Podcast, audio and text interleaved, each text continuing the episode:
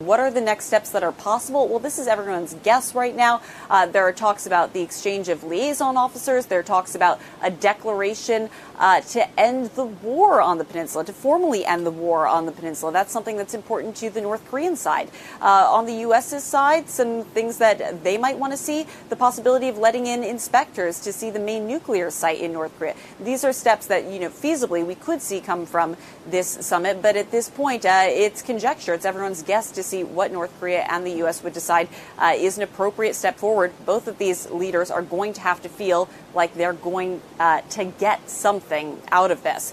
There are two summits now. You certainly don't want to go into a third summit or even have the possibility of a third summit if you don't see real market progress out of this one.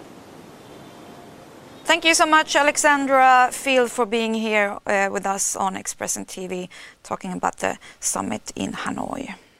Ja, vi ska vidare och vi ska till väd. Ett poddtips från Podplay.